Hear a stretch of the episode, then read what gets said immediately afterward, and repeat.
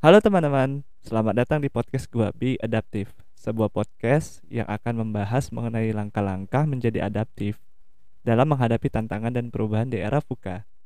Dalam podcast ini, setiap dua minggu sekali gua akan bercerita dan sharing mengenai pengalaman hidup gua, serta poin-poin yang gue pelajari baik dari pengalaman kerja, buku, pelatihan, maupun sumber-sumber lainnya. Summary dari podcast ini akan gue share di Instagram gue @anjesjk.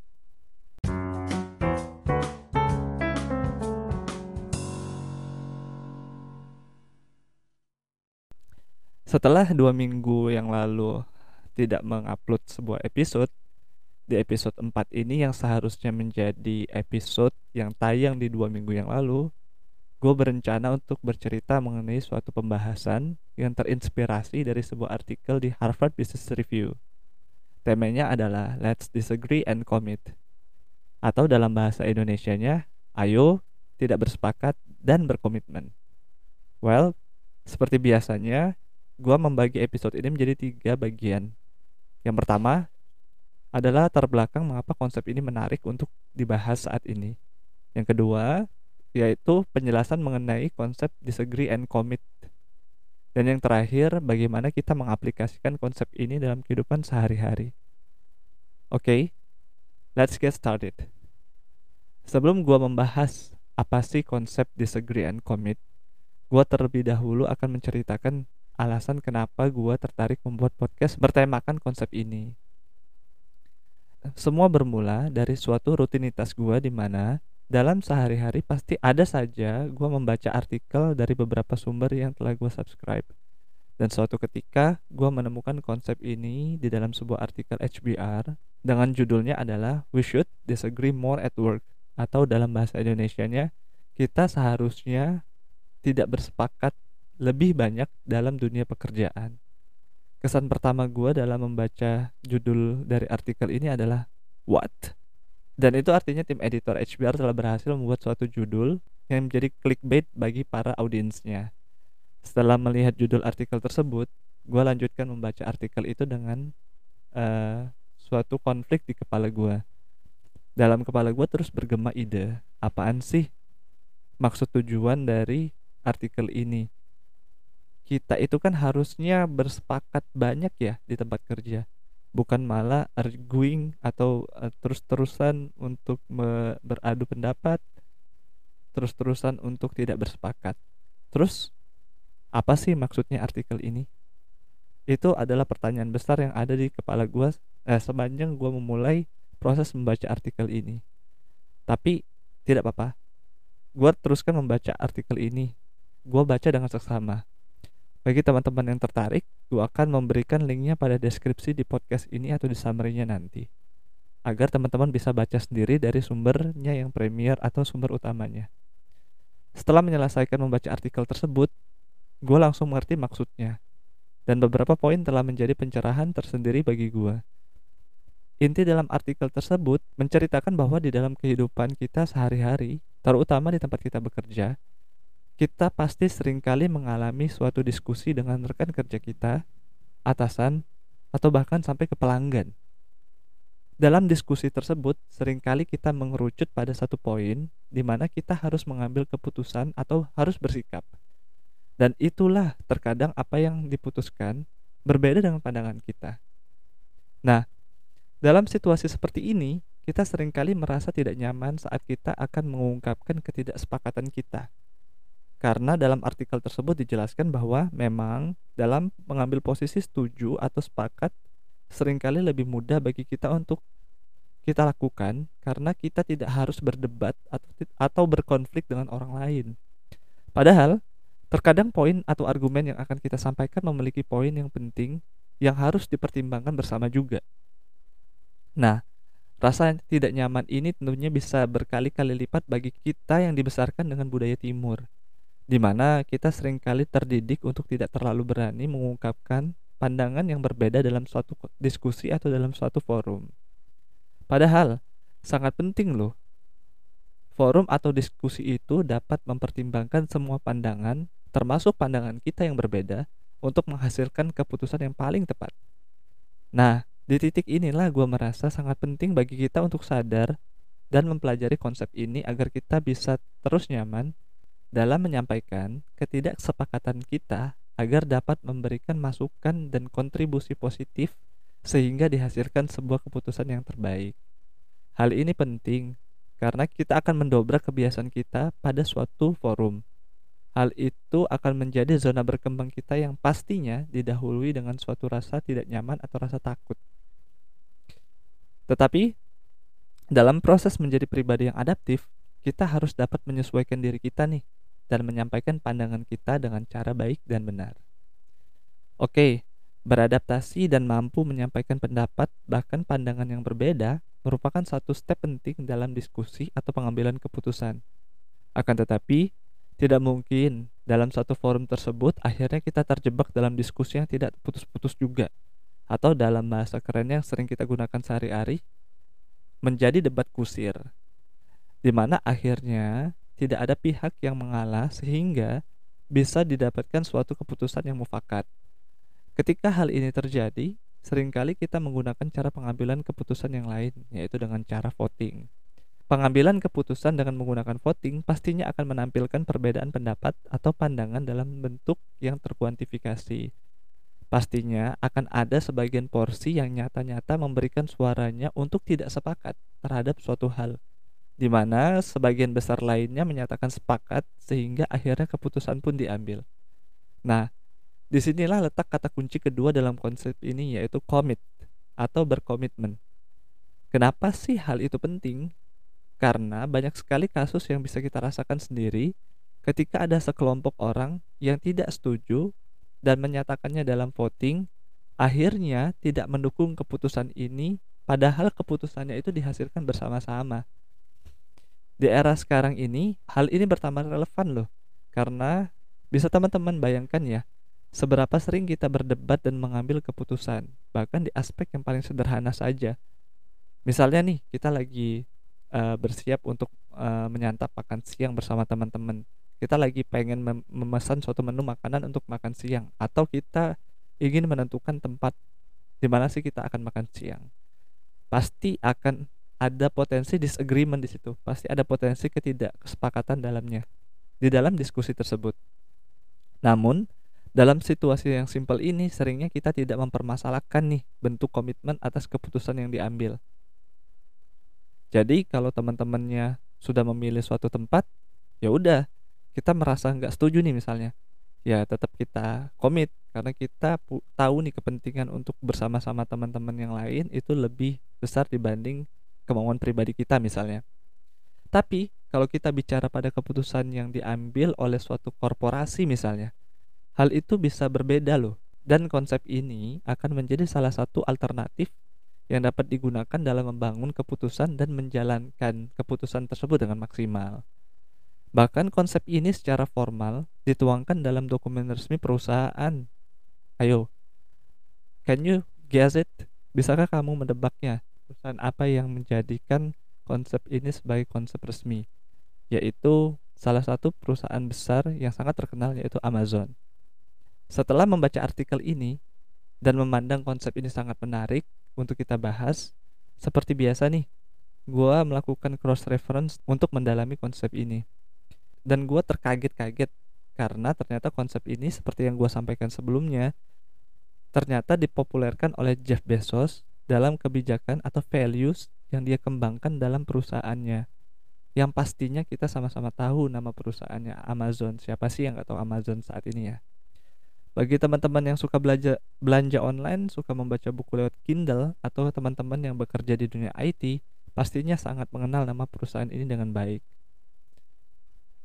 Di dalam sebuah artikel ing.com diceritakan bahwa Jeff Bezos menggunakan prinsip disagree and commit untuk mengatasi rasa ketidaknyamanan dalam perbedaan pendapat dan mencegah terjadinya lingkaran setan dalam rapat yaitu di mana kita membahas sesuatu dalam rapat untuk ditindaklanjuti dengan rapat-rapat lainnya.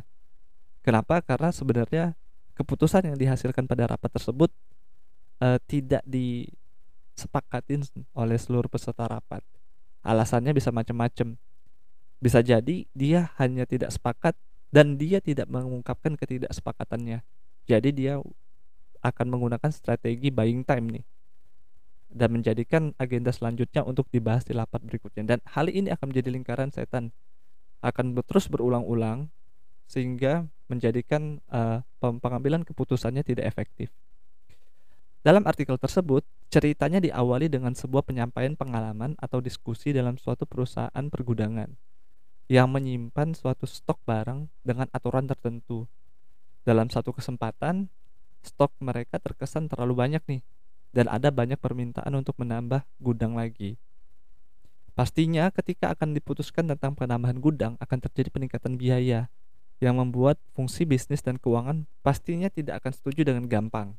Dalam rapat tersebut akhirnya diputuskan alih-alih menambah sebuah gudang, sebaliknya dilakukan optimasi pengaturan gudang dengan melakukan penyusunan ulang yang lebih efektif sehingga bisa memaksimalkan kapasitas gudang yang ada. Hal ini sebenarnya tidak disepakati oleh fungsi yang bertugas di gudang. Kenapa? Karena keputusan itu akhirnya membuat mereka harus menyusun kembali kurang lebih 8000 item dan akan membuat mereka bekerja keras mungkin sekitar satu hari ke depan mereka akan kerja keras tuh untuk menyusun 8000 item dan mereka sudah menyampaikan hal itu sebelum keputusan diambil bahwa ketika mereka harus menyusun ulang mereka akan kesulitan, mereka akan overtime, lembur dan sebagainya. Tapi pada akhirnya dalam argumen tersebut mereka tidak bisa mempertahankannya dan keputusan yang diambil tetap tidak sesuai dengan apa yang mereka inginkan. Dalam menghadapi situasi yang serupa itu, orang-orang dari fungsi gudang bisa saja diam saja dan pada akhirnya tetap menerima keputusan tersebut. Tapi apa yang dilakukan setelahnya? Apabila orang-orang gudang tersebut tidak menyampaikan pandangannya dalam rapat, biasanya mereka akan mengerjakan aksi tindak lanjut dari keputusan tersebut sambil mengeluh. Kenapa? Karena ada hal-hal yang mereka rasakan berat dan mereka tidak sampaikan dalam proses pengambilan keputusan tersebut. Dan efeknya ke mana? Efeknya moral pekerja pun akan jatuh. Berbeda dengan kondisi di mana mereka telah memperjuangkan konsepnya dan pada akhirnya tetap tidak bisa memenangkan argumennya. Pada akhirnya dia tetap berkomitmen dan menjalankan hasil keputusan tersebut. Dalam artikel tersebut diindikasikan adanya ketahanan pada moral pekerja setelah berargumen dengan tetap komit pada keputusan dengan sebuah ungkapan yang disampaikan oleh petugas gudang, yaitu dia berkata, sepertinya menarik juga sih bisa mengatur kembali gudang tersebut. Nah, positivity atau uh, suasana positif ini sangat penting dalam uh, dalam lingkungan pekerjaan untuk menjaga tingkat semangat atau moral untuk menjaga kinerja dari tim. Menyambung proses pengambilan keputusan yang cepat dan bentuk komitmen pekerja tersebut, ternyata Jeff Bezos menyampaikan terdapat dua jenis keputusan nih teman-teman yang dapat kita hadapi dalam kehidupan sehari-hari. Yaitu yang pertama one door decision, yang kedua adalah two doors decision. Apa sih perbedaan dari dua tipe keputusan ini? letaknya ada di bentuk konsekuensi dari pengambilan keputusan. Apakah suatu keputusan itu bisa dilakukan remedi dengan cepat atau perbaikan dengan cepat? Ini kita sebut sebagai keputusan yang bersifat two doors. Artinya, kalau kita putuskan sesuatu, kita bisa mundur lagi, step back dan kembali lagi ke seperti sebelum kita ambil keputusan.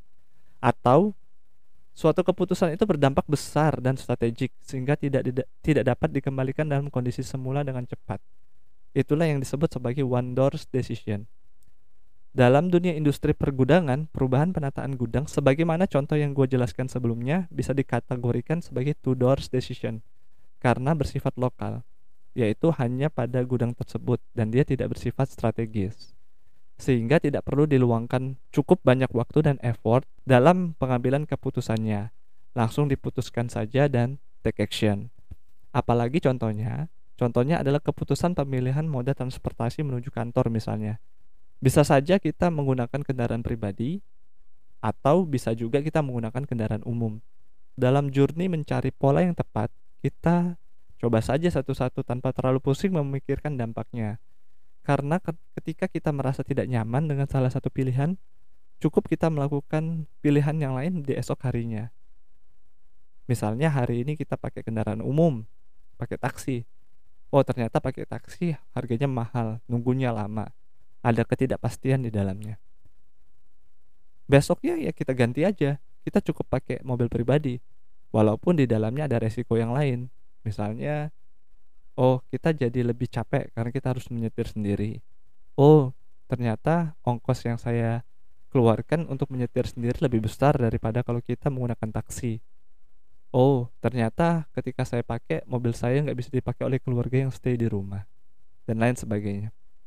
Bisa juga kita pilih untuk pilihan oh saya akan menggunakan kendaraan umum. Misalnya di era transportasi yang sudah mulai modern di Jabodetabek kita bisa ke stasiun MRT tapi ternyata buat menuju ke sana kita tetap butuh bantuan kendaraan umum seperti taksi atau ojek online. Dan ternyata setelah kita evaluasi ternyata tidak terlalu nyaman misalnya naik MRT dilanjutkan dengan taksi atau ojek online. Sehingga dengan pilihan-pilihan tersebut kita bisa berpindah satu ke lain hal dengan cepat. Itulah yang kita sebut sebagai two doors decision atau suatu keputusan yang mempunyai dua pintu kita gampang nih keluar masuk pintu dari pengambilan keputusan tersebut kemudian apa sih contohnya yang bersifat one doors decision atau keputusan besar yang sulit untuk kembali lagi setelah keputusan tersebut diambil. Contohnya, misalnya kita memilih sekolah untuk melanjutkan kuliah. Kita harus berpikir masak-masak nih teman-teman terkait sekolah yang akan kita pilih. Kenapa?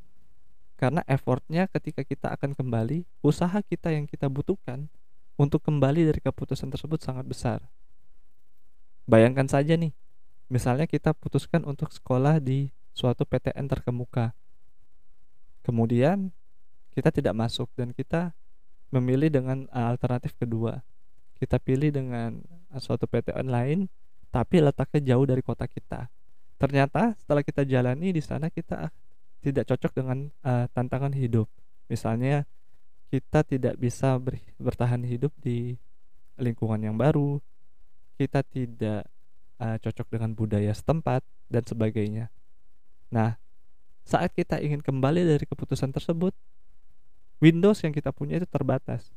Most likely kita harus menunggu tahun depan untuk bisa kembali lagi. Untuk memilih, kita harus pindah ke kampus mana yang lebih proper. Dan ini membutuhkan waktu dan effort yang besar untuk bisa kita sampai pada titik di mana kita bisa kembali memilih. Nah, arahnya ke mana? Setelah tahu dari dua jenis keputusan yaitu one door decision, keputusan yang bersifat satu pintu dan two doors decision, keputusan yang bersifat dua pintu, Jeff Bezos menyampaikan hal yang penting sekali, yaitu kita harus mengidentifikasi keputusan seperti apa yang kita sedang hadapi sekarang. Kalau keputusan tersebut bersifat two maka kita tidak perlu berargumen secara berat atau kita tidak perlu panjang berargumen, berdebat sana sini dan akhirnya menghabiskan waktu. Walaupun masih banyak ketidaksepakatan di dalam forum, kita harus sadar, oke, okay, ini adalah two doors decision. Jadi kita harus bisa mengambil keputusan dengan cepat. Dan di sisi lain, ketika keputusannya bersifat one door, maka dibutuhkan effort yang lebih besar dalam melakukan pembahasan di dalamnya. Tetapi tetap saja proses argumen dan ketidaksepakatan yang terjadi jangan sampai menghambat suatu pengambilan keputusan. Yang membedakannya adalah waktu yang dibutuhkan dalam mengambil keputusan ini. Yes, apa pun jenis keputusannya, kita jadi tahu nih, kita bisa saja tetap akan menghadapi situasi di mana bisa terjadi ketidaksepakatan dan kita harus tetap sadar untuk bersikap disagree and commit ketika keputusan telah diambil. Bedanya pada saat keputusan yang two doors, kita lebih sadar lagi. Ngapain sih kita berdebat lama-lama? Yuk kita putuskan bareng-bareng. Saya mungkin tidak sepakat dan saya tetap berkomitmen untuk menjalankan keputusan tersebut. Dan di sisi lain ketika one door decision, yes, kita akan berargumen satu sama lain, mempertahankan argumen kita, membahas pro dan kontranya. Tapi di satu titik kita harus memutuskan sesuatu dan kita harus bersikap yang sama kita mengakui bahwa kita disagree dan kita berkomitmen untuk menjalankan keputusan tersebut. Hal ini tidak mudah. Teman-teman, hal ini tidak mudah. Terutama ketika kita dihadapi situasi pengambilan keputusan yang one doors. Karena sering kali kita memperjuangkan pandangan kita dengan effort yang besar. Sehingga perlu kita ingat kembali konsep ini dan jangan sampai masuk ke jebakan pemikiran yang serupa tapi berbeda, yaitu disagree but commit. Di mana letak perbedaan antara dua konsep ini secara tertulis hanya terletak di dan versus tapi. Nah, secara pengertiannya gimana sih? Disagree but commit tidak sepakat tapi setuju menandakan bahwa antara sikap kita tidak sepakat dengan sikap kita berkomitmen merupakan dua hal yang bertolak belakang. Kesannya begini, saya nggak sepakat. You harus tahu gua nggak sepakat ini, tapi gua akan menjalankan ini. Menjalankan ini most likely karena keterpaksaan. Nah, kalau disagree and commit, kita memberikan kesan seperti yes, kami tidak sepakat dan ini totally fine, ini totally oke. Okay. Adalah sesuatu yang normal bahwa kita tidak sepakat. Adalah sesuatu yang normal bahwa kita berbeda pendapat. Dan saya juga berkomitmen nih, karena kita sudah membahas hal ini dan memutuskan, ayo kita jalankan bersama. Well, melihat perkembangan diskusi ini memang agak sedikit complicated ya, agak susah dipahami. Kunci dari sikap disagree and commit merupakan bentuk komitmen tanpa adanya sikap yang berlepas tangan. Hanya karena awalnya kita tidak setuju. Dalam kehidupan sehari-hari, pastinya kita perlu mengidentifikasi bagaimana cara yang tepat untuk mengaplikasikan sikap ini dan bagaimana mengukur diri kita. Apakah kita sudah bersikap dengan baik atau belum? Beberapa langkah berikut ini dijelaskan dalam sebuah artikel yang diterbitkan di LinkedIn oleh seorang manajer produk di Google. Dia menjelaskan apa yang bisa kita lakukan agar kita tahu nih kita sudah bersikap dengan benar atau belum. Beberapa tips yang dia jelaskan antara lain seperti ini. Pertama, kita bisa meminta izin untuk mengungkapkan ketidaksepakatan secara terbuka. Tentunya dengan kalimat yang asertif dan terbuka dengan tujuan bukan untuk mematahkan pendapat lawan, tapi untuk menjadikan diskusi yang konstruktif. Yang kedua, menyampaikan pandangan dalam bentuk pertanyaan. Misalnya nih, apakah Bapak sudah mempertimbangkan resikonya? Apakah saudara sudah melihat dari sudut pandang yang berbeda? Yang ketiga, meminta waktu untuk melakukan pendalaman riset, terutama ketika kita menghadapi situasi one door decision. Jadi, kita tidak perlu mengungkapkan ketidaksepakatan kita secara gamblang, tapi kita minta waktu, oke, okay, Bagaimana kalau kita mengevaluasi hal ini dengan data baru yang lebih komprehensif? Dan untuk mendapatkan data tersebut, kita butuh waktu. Yang keempat, take a leap of faith. Seperti episode sebelumnya, setelah melalui diskusi dan terbuka menyampaikan ketidaksepakatan serta tetap diputuskan sesuatu yang berbeda, saatnya untuk take a leap of faith. Percaya bahwa proses yang sudah berjalan akan menghasilkan keputusan yang terbaik bersama. Yes, that's all. Tentunya hal ini tidak akan mudah terutama bagi sebagian orang. Karena kita sebagai manusia terkadang memiliki kecenderungan dalam menyikapi suatu konflik, perbedaan pendapat atau pembahasan yang tidak nyaman untuk kita. Dalam menghadapi situasi ini, gua akan membahas lebih lanjut agar kita bisa mengetahui diri kita sendiri dengan lebih nyaman, yaitu dengan memahami mekanisme diri sendiri untuk fight or flight yang akan gue bahas pada episode berikutnya. Oke, okay, sekian episode 4 dari podcast gue. Gue berharap sharing-sharing di podcast ini dapat membawa manfaat bagi banyak orang. Dan apabila teman-teman merasa podcast ini memberikan pesan-pesan yang positif, please share it to others. Summary dari episode ini dapat ditemukan di Instagram gue dan apabila ada pertanyaan, kritik, saran, silakan sampaikan melalui DM ataupun email anjasjk@yahoo.co.id.